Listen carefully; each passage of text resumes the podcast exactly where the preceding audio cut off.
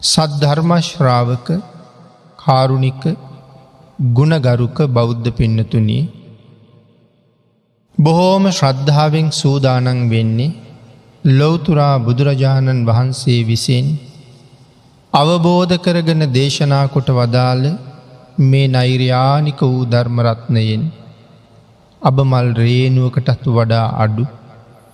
බොහෝම පුංචි කොටසක් දේශනා කරවගෙන ධර්ම ගෞරවය පෙරදැරි කරගෙන දේශනාගත ධර්මය ශ්‍රවණය කරන්න. ධර්ම ශ්‍රවණය කරන්න සූදානන් වෙන සැදැහැවත් පින්නතුන් විසින් මහත් වූ බලාපොරොත්තුවක් පෙරදැරි කරගනම ධර්ම ශ්‍රවණය කරන එක වටින බව භාගිතුන් වහස දේශනා කොට වදාළ. ඒ බලාපොරොත්තුව තමයි මේ ධර්ම දේශනාව ශ්‍රවණය කරන අතරතුරදීම මාගේ පංච නීවරණ ධර්මයන් යටපත් වේවා. සප්ත බෝධ්‍යාංග ආදී ධර්මයන් වැඩී දියුණු වේවා මේ දේශනාව අතරතුරදීම මට උතුම් මාර්ගයක් පලයක් අවබෝධ වේවා කෙන සිතින් යුක්තවම ධර්මශ්‍රවණය කරන එක. අපිත් ඒ බලාපොරොත්තුව මුදුන්පත් කර ගැනීම වෙනුවෙන් සද්ධර්මශ්‍රවණය කරමු. පින්නතුන අද ධර්මදේශනාවේ මාතෘකාව හැටියට මම යොදාගණ්ඩ කල්පනා කළේ ධම්ම පද පාලී සඳහන් වෙන එක ගාථාරත්නයක්. යංකින්චි ඉට්ටං හුතංච ලෝකේ සංචජ්ජරං යජේත පුං්ඥ පෙක්කෝ සබ්බම්පිතං න චතුභාගමේදී අභිවාදනා උජ්ජු ගතේසු සෙයෝ කියන ගාථාරත්නය. මේ ගාථාරත්නය අපේ බුදුරජාණන් වහන්සේ දේශනා කොට වදාලේ මහා ප්‍රාග්ඥ සාරිපුත්ත මහරහතන් වහන්සේගේ හිතවත් බ්‍රාහ්මණය කරමුණු කරගෙන. සැරියුත් මහරහතන් වහන්සේ එක දවසක් තමන් වහන්සේගේ ඉතාම හිතවත් බ්‍රාහ්මණය මුණ ගැහෙන්ඩ වැඩම කළ. සාරිපුත්තයන් වහන්සේ වඩිනව දැකළ මේ බ්‍රාහ්මණය නැගිටල පෙරගමන් කරලා මහරහතන් වහන්සේ පිළි අරගෙන වැඩමවාගෙන ගිහිල්ල අසුන් පනවලා වඩාහි දෙව්වා. සාරිපුත්තයන් වහන්සේ ටික වෙලාවක් බ්‍රාහ්මණයත් එක කතා කර කර ඉන්න ගමන් බ්‍රාහ්මණයගෙන් අහනවා බ්‍රාහ්මණ මේ දවස්වල මොනවද වැඩ කටයුතු කියලා. ඒ වෙලා සඳහන් කලා ස්වාමීණී මම ඉට්ට කියල දානයක් දෙනවා. ඒ පින්ක මේ කටයුතු කරනවා කියලා. පින්කම ගැන තොරතුරු අහල සාරිපුත්තයන් වහන්සේ බ්‍රාහ්මණයත් අඩගහගෙන බුදුරජාණන් වහන්සේ ගාවට යනවා. ගිහිල්ල බුදුරජාණන් වහන්සේට සඳහන් කරනවා ස්වාමීණි භාගිතුන් වහන්සේ මේ බ්‍රාහ්මණයා බඹලෝ යන්ඩ හරි කැමති. බඹලෝ යන්ඩ හිතාගෙන ඉට්ට කියල දානයක් දෙනවා. මොහුට ඒ කාරණාව පැහැදිලි කරලා දෙන්න කියලා. අපේ බුදුරජාණන් වහන්සේ ආං ඒ කාරණාව මුල් කරගෙන තමයි අපි ධර්ම මාතෘකාව හැටියට යොදාගත් ගාථාරත්නය දේශනාකොට වදාලේ.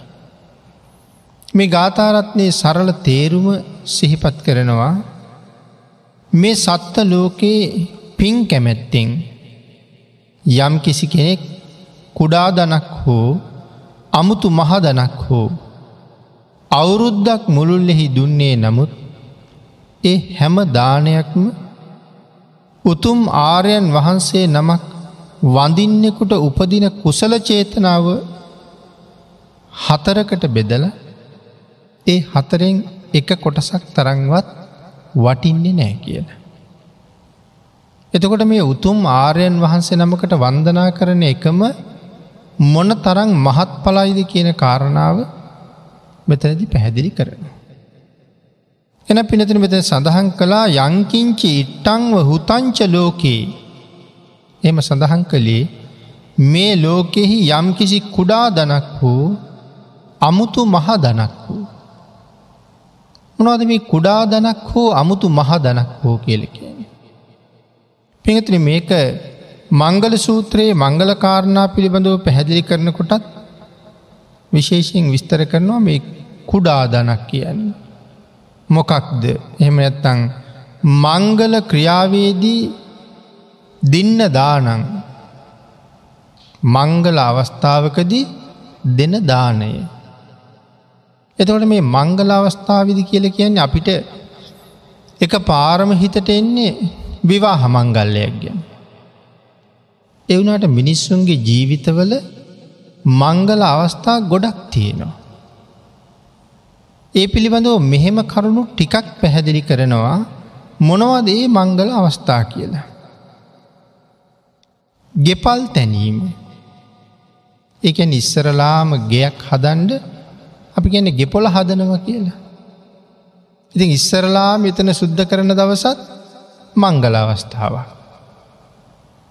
අත්තිවාරම කපන දවස කියල කියන්නේ මංගල අවස්ථාව. මුල්ගල් තබන දවස කියල කියන්නේ මංගල අවස්ථාව. ඊට අමතර උළුවහු තැබීම මංගල අවස්ථාව. දරුවන්ගේ කෙස් කැපීම දරුවන්ට ඉඳුල් කටගෑම ඉස්සරලාම හිසේ තෙල් ගෑම මේ ආදී නොයෙක් අවස්ථා අපිට මංගල්ලයන් හා සමානයි. වැඩිවිය පැමිණීමේ මංගල්ල ආවාහ විවාහ මංගල්ල මේවාගේ අවස්ථාවලට අපි පිරිස් රැස් කරගන්නවා. ආරාධනා කරනවා. කැඳවලා ඒ පැමිණිච්චායට ආහාරපානාදීන් සංග්‍රහ කරනවා. මේවාගේ කාරණා තවත් ඕන තරන් පැහැදිලි කරන්න කරුණු තියෙනවා. එක එක ආගංවලට අනුව එක එක ජාතීන්ට අනුව මේ මංගල අවස්ථා තව තව මේ විදිහට වෙනස් වෙන්ඩ වෙනස් වෙන්ඩත් පුළුවන් ඒගොල්ලන්ගේ චාරීත්‍ර වාරීත්‍රවලට අනුව. මෙ කුඩා දනක් වූ කියල කියන කාරණාවට මංගල අවස්ථාවේ දෙන දාන. එතකොට මහදනක් හෝ කියල කියහම් ඒ කාරණාව පැහැදිලි කරනවා යම් කෙනෙක් ඉට්ට ඉට්ට කියන කාරණාවදී මහදනක්. මනාව සකසලා පිළියල කරලා දෙන දානය. ආහාරපාන කැවිලි පෙවිලි වස්ත්‍ර ආභරණ තවත් නොයෙක් දේවල් සකසලා පිළියල කරලා මනාව දෙන මහදන් තියෙන. එහෙම දන් දෙනකොට බ්‍රාහ්මණයන්ටත් දන් දෙෙන. තවත් වෙනත් ආගමික ශාස්තෘවරුන්ටත් දන් දෙෙන. නමුත් මනාව සකසලා දන් දෙනවා. යම් කිසි කුඩා දනක් හෝ මහදනක් වූ. ලෝකීය මහජනයා උදෙසා සඳහන් කරනවා මුළු සක්වල පුරාම දං හල් දානශාලා හදල දන් දෙෙනවා. අවුරුද්දක් මුළුල්ලේම දන්දේ. ඒ දානයෙන් ලබනවද කොච්චරානි සංසයක් මුළු සක්වල මුළුල්ලේම දානශාලා හදලා අවුරුද්දක් පුරාම දන්දෙනවා. ආං එහෙම දන්දීල ලබන ආනි සංසේ මෙතන සඳහන් කරලා තියෙන භාගිතුන් වහසගේ ශාසනය උදෙසා දන් දෙන කාරණාව නෙමි. ලබන ආනිසංසය උජ්ජු ගතේසු මෙතන උද්ජූතු ගතේසු කියලා කියන පිනති ආර්යන් වහන්සේලාට.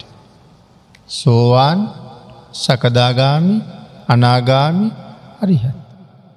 පසේබුදු සම්මා සම්බුද්ධ. මේ මහෝත්තමයන් වහන්සේලා කෙරෙහි හිත පිහිටවාගෙන යම් කෙනෙක් කරනවනං වන්දනාවක් එක මොහොතක්. ආං ඒ වන්දනාවෙන් ලබාපු කුසලය හතරකට බෙදලා. එක කොටසක් ගත්තහම අර ලෝකීය මහජනයා උදෙසා සක්වල පුරාම දානශාලා හදලා දන්දුන්න කුසලය වටින් නෑ කියල සඳහන් කරනවා. ආර්යන් වහන්සේ නමකට වැඳපු කුසලේ හතරට බෙදලා එයින් එක කොටසක් තරංවත් අර දානයේ ආනිසංසය වටින්නේ නෑ කියන කාරණාව බුදුරජාණන් වහස පැහැදිලි කරනවා. එතකොට මේ උත්තම වූ වන්දනාව කොයි තරන්නම් ශ්‍රේෂ්ඨද. බුදුරජාණන් වහන්සේ ජීවමාන කාලෙත් පිරිනිවන් පෑව කාලෙත් අපිට භාගිතුන් වහන්සේට වන්දනා කරන්න බාධාවක් නෑ. ජීවමානව වැඩහිටපු කාලෙත් බුදුරජාණන් වහන්සේ අරමුණු කරලා තැන් තැන්ගොල වන්දනා කළ. බුදුරජාණන් වහන්සේ වෙනුවෙන්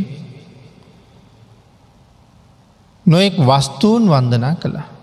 ඇ අපි පිටකේ සඳහන් වෙනවා.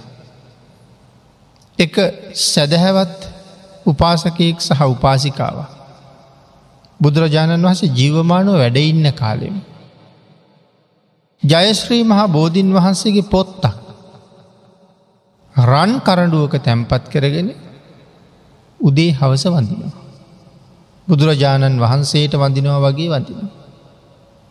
පසලොස්සක පෝය දවසට එලිවෙන කම්ම මේ දෙපළ වන්දනා කරනවා.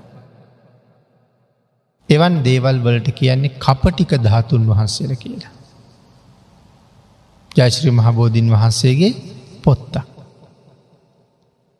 ඉතින් භාගිතන් වහසේ ධර්මාන කාලෙම භාග්‍යතුන් වහන්සේ වෙනුවෙන් වදින්ඩ ජේතවනාරාමි ජයශ්‍රී මහා බෝධීන් වහන්සේගේ අංකුරයක් රෝපණය කළා අග්‍ර උපස්ථායක ආනන්දයන් වහන්සේගේ ප්‍රධානත්තේ.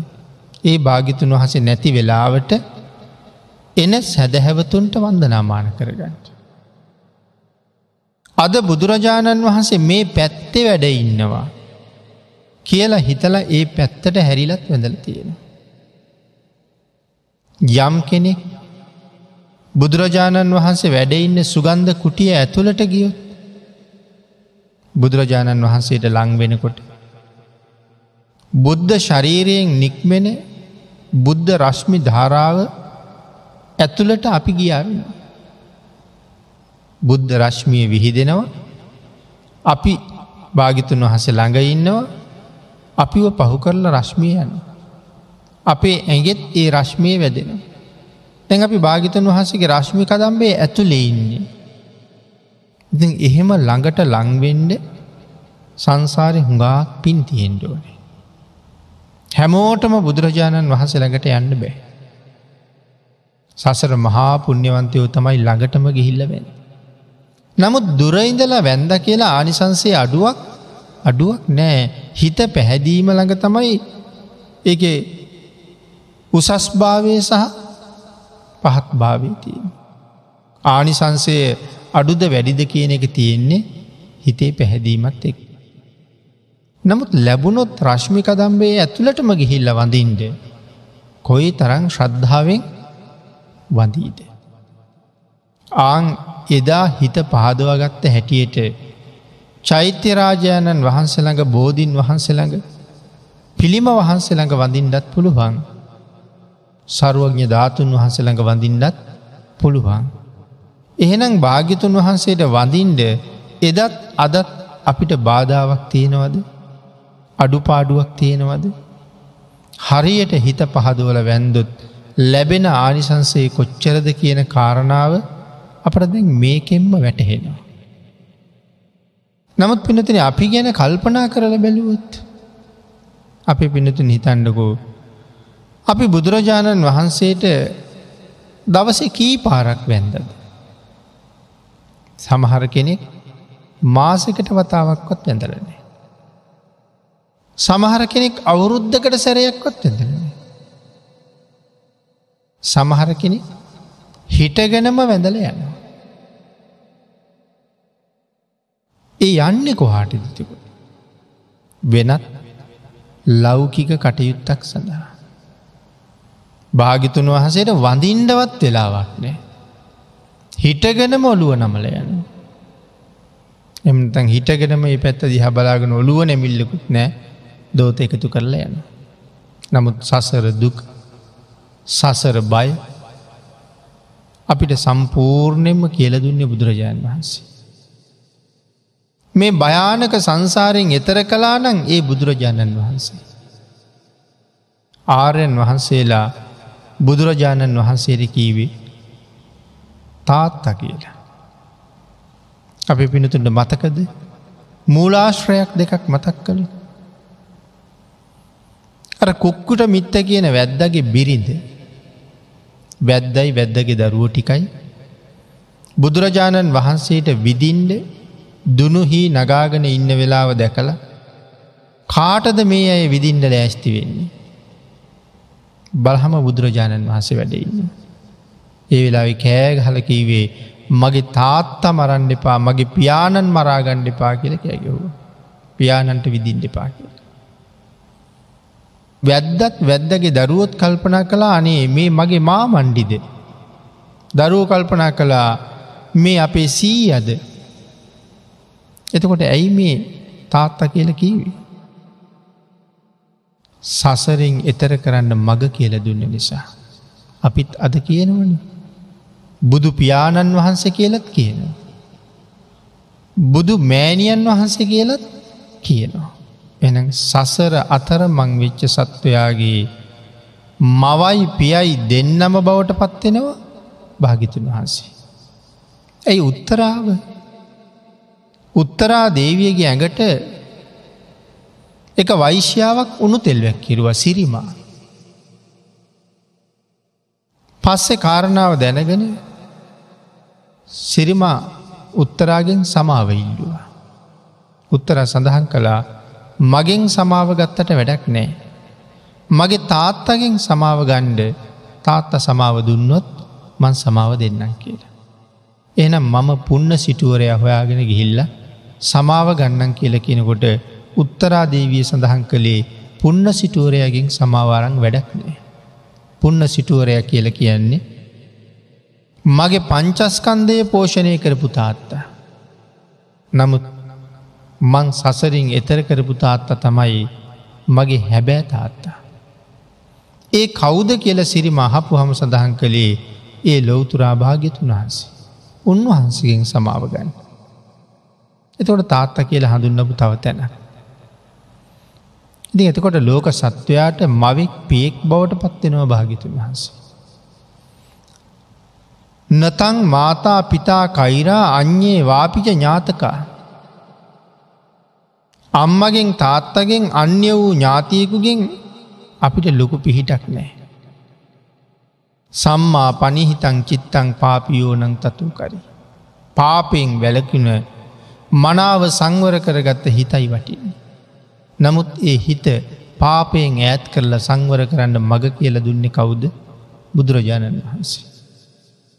නමුත් එවන් වූ සරණක් එවන් වූ පිහිටක් භාගිතුන් වහසේ අපිට වෙලා තියෙන. අපි වෙනුවෙන් කරලා තියෙනවා. විඳල තියෙන දුක්කන්දරාව සීමාවක් නෑ.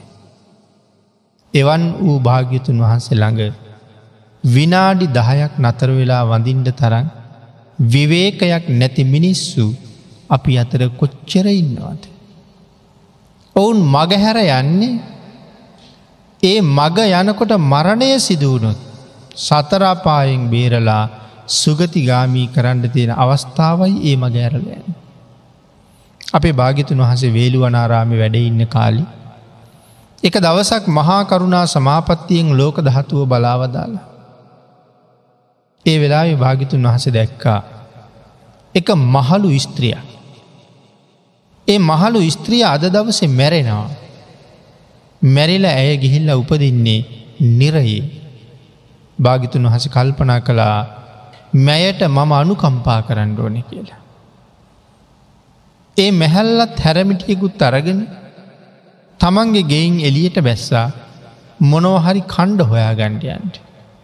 බුදුරජාණන් වහන්සේත් භික්‍ෂූන් වහන්සේල පිරිවරාගෙන සුගන්ධ කුටියෙන් එලියට වැඩිය පිණ්ඩ පාති වඩින්ට. අර මැහැල්ල එන පාරි භාගිතුන් වහස ඉස්සරහට වඩිනවා. මැහැල්ල මගදි මුණ ගෙහුණ. බුදුරජාණන් වහන්සේ මැහැල්ලගේ ඉස්සරහ හිටගත්තා. නතර වුණා. භික්‍ෂු මහසංගයා බැලුව ඇයි භාගිතුන් වහස නතර වුණේ. එතන හිටිය මහමුගලන් මහරහතන් වහන්සේ. උන්වහස කල්පනා කරලා බලහම උන්වහස දැනගත්ත මේ නතර වනේ මේ මැහැල්ලට පිහිට වෙන්ඩ.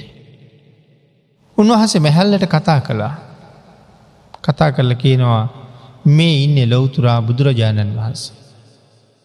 ඔබ අද මැරෙනවා. ඔබට පිහිටක් වෙන්ඩයි භාගිතුන් වහස අද මේ පැත්තිෙන් වැඩලයින් වන්දනා කරගන්නට. ඇයට ලොකූ සංවේගයක් ඇති වුණා. අද මැරෙනවනේ. මැරෙන මරණ බය මරණ දුක ඇයට හොන්තටම දැනෙන්න ගත්තා. ඇය බුදුරජාණන් වහන්සේට පසඟ පිහිටවල වන්දනා කළා. වැඳල නැගිටලා පාරෙන් ඈත්වෙලා දොහොත් මුදුන් දීගෙන බුදුරජාණන් වහස වඩින දිහා බොහෝම ප්‍රසාදයෙන් බලාගෙන හිටිය. කලබල වෙච්ච තරුණ එල දෙෙන හදිසියේම ඒ මැහැල්ලට ඇන්ල මරල දැම. මරණයත් සමගම ඇය ගිහිල්ලා දිවිය ලෝකෙ දිව්‍යාංගනාවන් දහසක් පිරිවරාගෙන උපත්තිය ලැබවා. එතකොට ඇය මැරිලා යන්න හිටිය නිරේට. නමුත් භාගිතුන් වහන්සේට මේ කරපු සුළු වන්දනාව ඇය සුගති ගාමී කරවන්න තරම් හේතුවක් බවට පත් වුණා. එහෙමනම් සල්ලි මිළමුදල් වියදන් කරලා ආරාම හදල පන්සල් හදල ලොකූවට දානමාන දීල මහාකුසල් රැස්කරගණ්ඩ අවස්ථාවක් සසර ලැබිල නැතත්. ආර්ථික අපහසුතා මධ්‍යයේ ඉපදිලා ඉන්නව නමුත් හිත පහදවාගෙන මේ රත්නත්‍රය වන්දනා කරනවනං යම් කෙනෙක්. ඔවුන් මොන තරන් තමන්ගේ ආත්මයට සාධහරණයක් කරගත්ත වෙනවාද. සතර අපායට පිටුපාණ්ඩ ඉතාම පහසු අවස්ථා කොච්චර මේ ශාසනය පෙන්නලා දීල තියෙනවාද. පින්නතුනී අකුසලය අපිව පහු කරල ගිහිල්ල නිසා.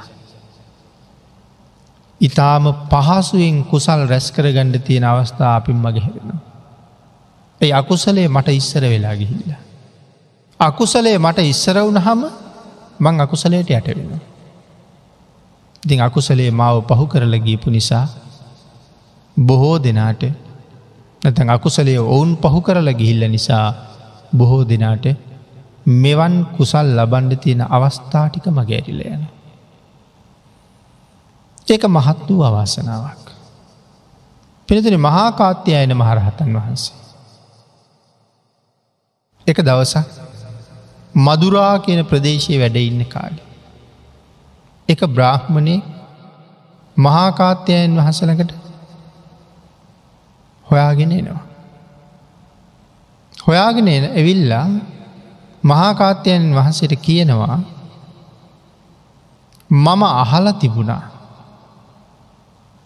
ඔබල වැඩිහිටියන්ට ගරු කරන්නේ නෑ කියලා. ඔබල වැඩිහිටියන්ට ගරු කරන්නේ කියලා මම හල තිබ්බා. හැබැයි අද මම ඒක ඇත්ත වශයෙන්ම ප්‍රත්‍යක්ෂ කරගත්තා. ඒ කොහොමද ප්‍රත්‍යක්ෂ කරගත්තේ. ඇයි මේ බ්‍රාහ්මණයට හොඟ වයසයි. බ්‍රාහ්මණය එනවා දැකලා. මහා කායිත්‍යයන් වහන්සේ නැගිටලා පෙරගමන්ගීත් නෑ. බ්‍රාහ්මණයාව පිළිගත්තෙත් නෑ. ආසන පැනෙව්වෙත් නෑ. දෙපා දෝවනය කළෙත් නෑ. වෙනත් කිසිත් වත් පිළිවෙත් මොකොවත්ම කාත්‍යයනෙන් වහස කළේ නෑ. නමුත් බ්‍රාහ්මණයට වඩා වයිසිම් බාලයි.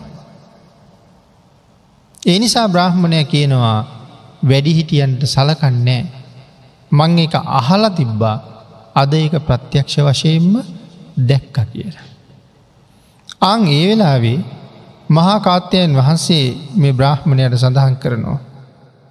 බ්‍රාහ්මණය වෘර්ධ භූමියයි දහර භූමියයි කියල භූමීන් දෙකක් අපේ භාග්‍යතුන් වහන්සේ පෙන්නුම් කරලා තියෙන. වෘර්ධ භූමියයි දහර භූමියයි කියන දෙකක්. එලකට උන්වහසේ සඳහන් කළා මෙහි යමෙක් උප්පත්තියෙන් අවුරුදු අසුවක් අවුරුදු අනුවක් අවුරුදු සීයක් වයස් ගත වෙලා. නමුත් ඔහුතාම කාමසේවනය කරනවද කාමදාහයෙන් රෑදවල් දැවි දැවී සිටිනවද කාම වස්තුූන් සොයාගෙන යනවද ඔහු මහල්ලෙක් නොවේමය වයස එතකොට අවුරුදු අසුවක් අනුවක් සීයක් විතර වෙලා. තාමත් ඉන්න කාම වස්තුූන් ගැන හිත හිට. කාම සේවනය ගැන හිත හිට. අං එහෙමනං ඔහු මහල්ලෙක් නොවේමය කියල සඳහන් කරනවා. වයසින් මහළුවත් කටයුතු අතින් ඔහු මහළු නොවේ. වයසින් මහළුයි නමුත් කටයුතුවලින් ඔහු මහළු නෑ කියල සඳහන් කරනවා. කටයුතු අතින් බාලයෙක්මයි යමෙක් විසින් තොට මොහු වයසනෑ කටයුතු අතින් ඉතාම බාලයි. වයසින් වයසගිහිල්ල නමුත් කටයුතුවලින් බාලයි. ඊළඟට සඳහන් කරනවා යම් කෙනෙක් තිස් අවුරුදු වයසේ. මෙතන සඳහන් කරන්න වයසින් ප්‍රථම වයසේ කියලා. එතකොට එන මධ්‍යම වයස වෙනකොට අවුරුදු හැටක් විතර වෙලා. අන්තිම වයස වෙනකොට අවුරුදු අනුවක් විතර වෙලා. සාමාන්‍යයෙන් මේ කාලෙ මිනිස්සුන්ගේ පරමාවිශය අවුරුදු එකසිය විස්සක් විතර. සීයට වැඩි ඉතාමත්. සීයට අඩු වනහම මිනිස්සුන්ට ධර්මය තේරෙන්නේ නෑ කියල කියන්නේ. පරමාවිශ සීයට අඩුවන හම ධර්මය තේරෙන්නේ. අදත් අපි හැටෙන් හැත්තෑවෙන් අසුවෙන් මැරිල යනවා. නමුත් අපි ඒ පරමාවිශ බුක්තිවිඳල නෙමෙයි මැරෙන්නේ. පරමාවිශයම බුක්තිවින්දනම් මේ කාලේ කොහොමත් සීය පහු කරන්නුව. නමුත් පරමාවිශයේ සීයට අඩුවනාට පස්සේ. මිනිස්සුන්ට ධර්මය තේරෙන්නේ කියන ඇයි ඒ මිනිස්සුන්ගේ තන්හාාව වැඩි වෙනවා. ඒ කාලෙ වෙනකොට තන්හාාව තවත් වැඩී. දැ අපි මුලින් කතා කරපු විදිහට තන්හාාව වැඩිහින්දමනේ බුදුරජාණන් වහන්සේ ළඟ දනගහල වඳින්ඩවත් වෙලාවක් නැත්තේ. ඒ තරම් කටයුතු තියෙනවා. මේ කාලෙත් බණක් අහන්ඩවත් වෙලාවක් නෑ. හුඟක් දෙන බණපිංකමකට එන්ඩ කියන නිසා ඇවිල්ල මූුණ පෙන්නලා හිමීට යන. සමහරය බණහන අතරෙත් දුරකතන ඇමතුන් වලටත් උත්තර දෙනවා. එකන්නේ හිත පිහිටවාගෙන බණක් අහන්ඩ තරං විවේකයක් නෑ මිනිස්සුන්ට. සමහල්ලාට දුරකතන ඇමතුමාවට පස්සේ බනාහන එක නවත්තල නැගිටල යනවා. ඊට වඩා වටින දෙයක් වගේ ඒ කටයුත්ත.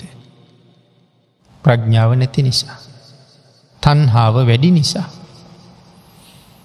ඉති මෙතන එතකොට සඳහන් කරන ඇහුණු තවරුදු අනුව සීය කාලි ගැනම කතා කරන ඇත්ති.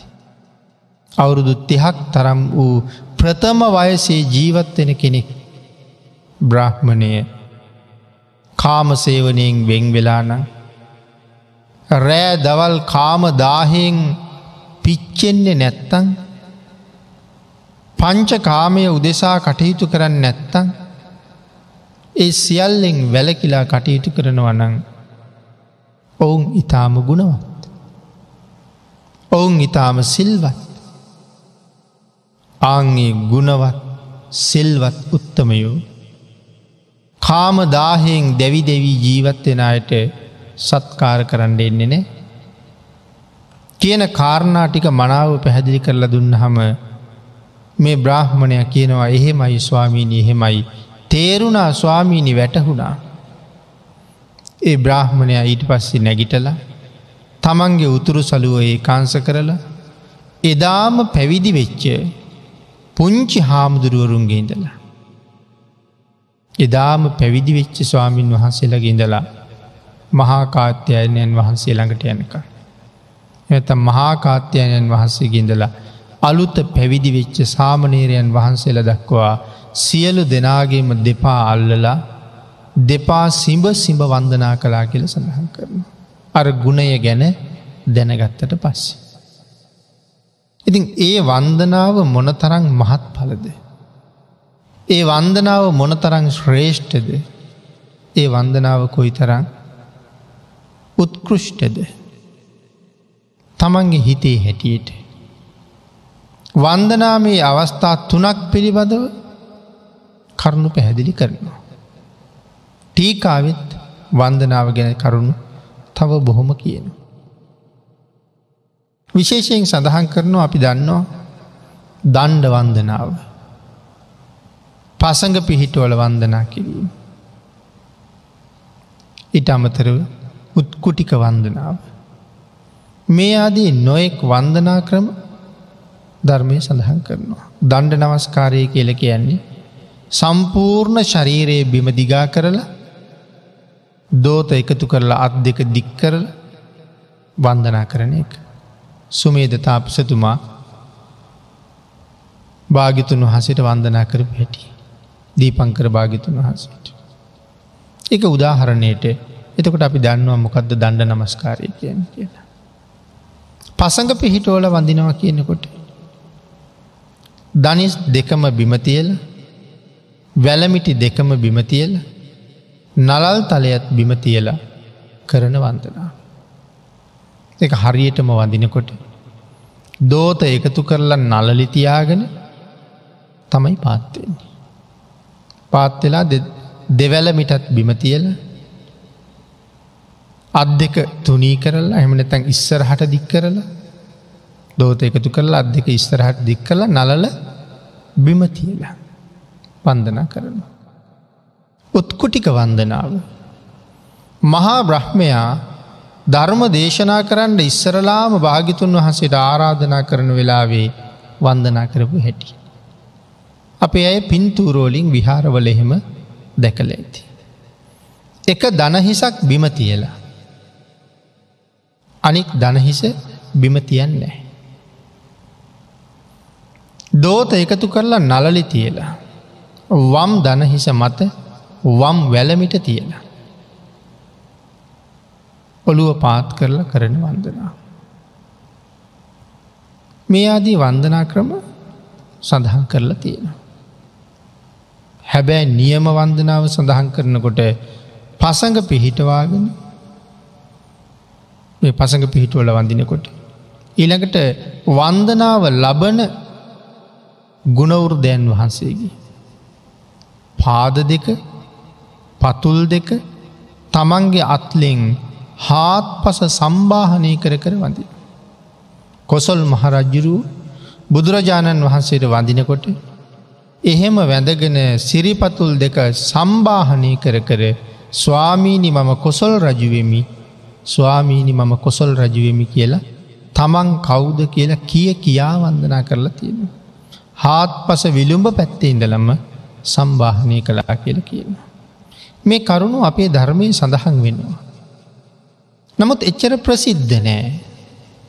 ඇයි ප්‍රසිද්ධියට එන්න නැත්ති. පිනතන මෙව්වා මේ ශාසනයේ ඉතාම ප්‍රාථමික කාරණ. ඉතා කුඩා අවදිය ඉඳල දැනගත යුතු කාරණ. නමුත් අද අපි වැඩිහිටියෙක්වත් සමහට නොදන්න කාරණ. නමුත් බෞද්ධයෙක් තුළ මුලින්ම දැනගෙන තිබිය යුතු කාරණා නිසයි සාමාන්‍ය පොතපතේ මේ කරුණු සඳහන් කරලා නැත්ති. අපි විසින් දැනගත යුතුම දේවල් නිසා. ඉතින් යුතුම දේවල් පොතපතේ සඳහන් නොවෙනවද කියලැහුවොත් නෑ මේවා ඒ තරම්ම සුළු ප්‍රාථමික දේවල්. බුද්ධහගමට එනකොටම බෞද්ධයෙක් වෙනකොටම දැනගෙන තිබියයුතු දේවල්. පාසලට ඇතුල් වෙනකොටම හෝඩි පොතෙන් අපිට උගන්නනවා. නමුත් එයින් පස්සේ කවදාවත් හෝඩිපොත උගන්නන්නේ උගන්නන්නේ නෑ ඒටික මුලින්ම දැනගෙනයි තිබිලතිය.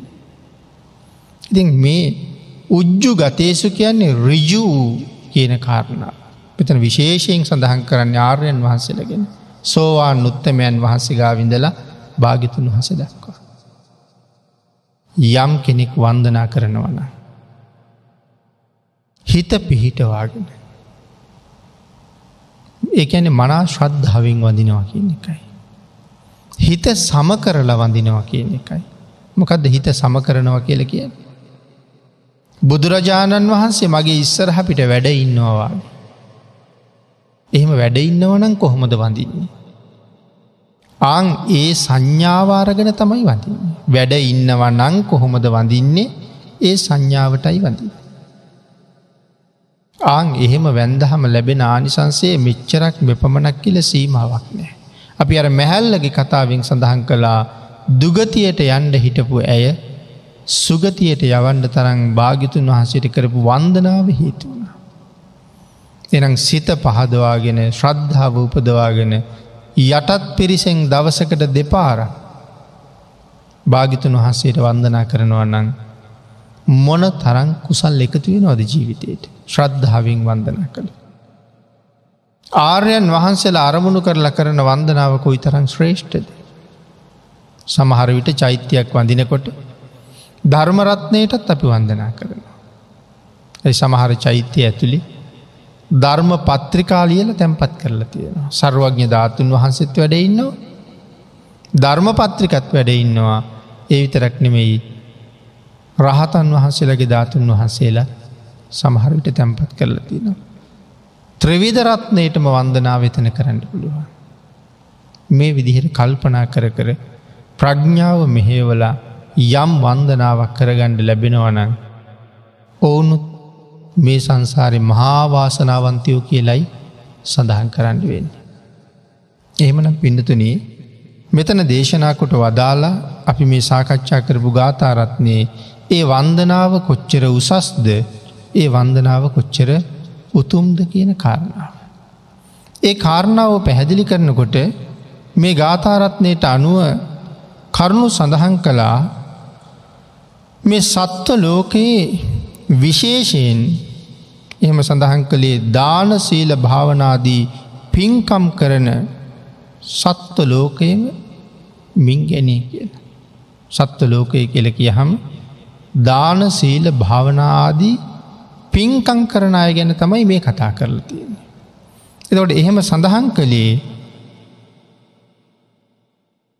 සංචජ්ජරං යජේත පුං්ඥපෙක්කෝ පින් කැමැත්තෙන් අවුරුද්දක් මුළුල්ලෙහි දන්දුන්නේ නමුත් එක් අවුරුද්දක් මුළුල්ලෙහි පින් කැමැත්තෙක් මුළු සක්වල දන්හල් පිහිටවා ලෝකීය මහජනයාට කඩ නොකොට අතර නොතබා දන් දෙන්නේ නමුත් සඳහන් කළා මෙවන් ආර්යන් වහන්සේ නමකට කරපු වන්දනාව තරන් ඒක උතුම් උතුම්නය කියලා.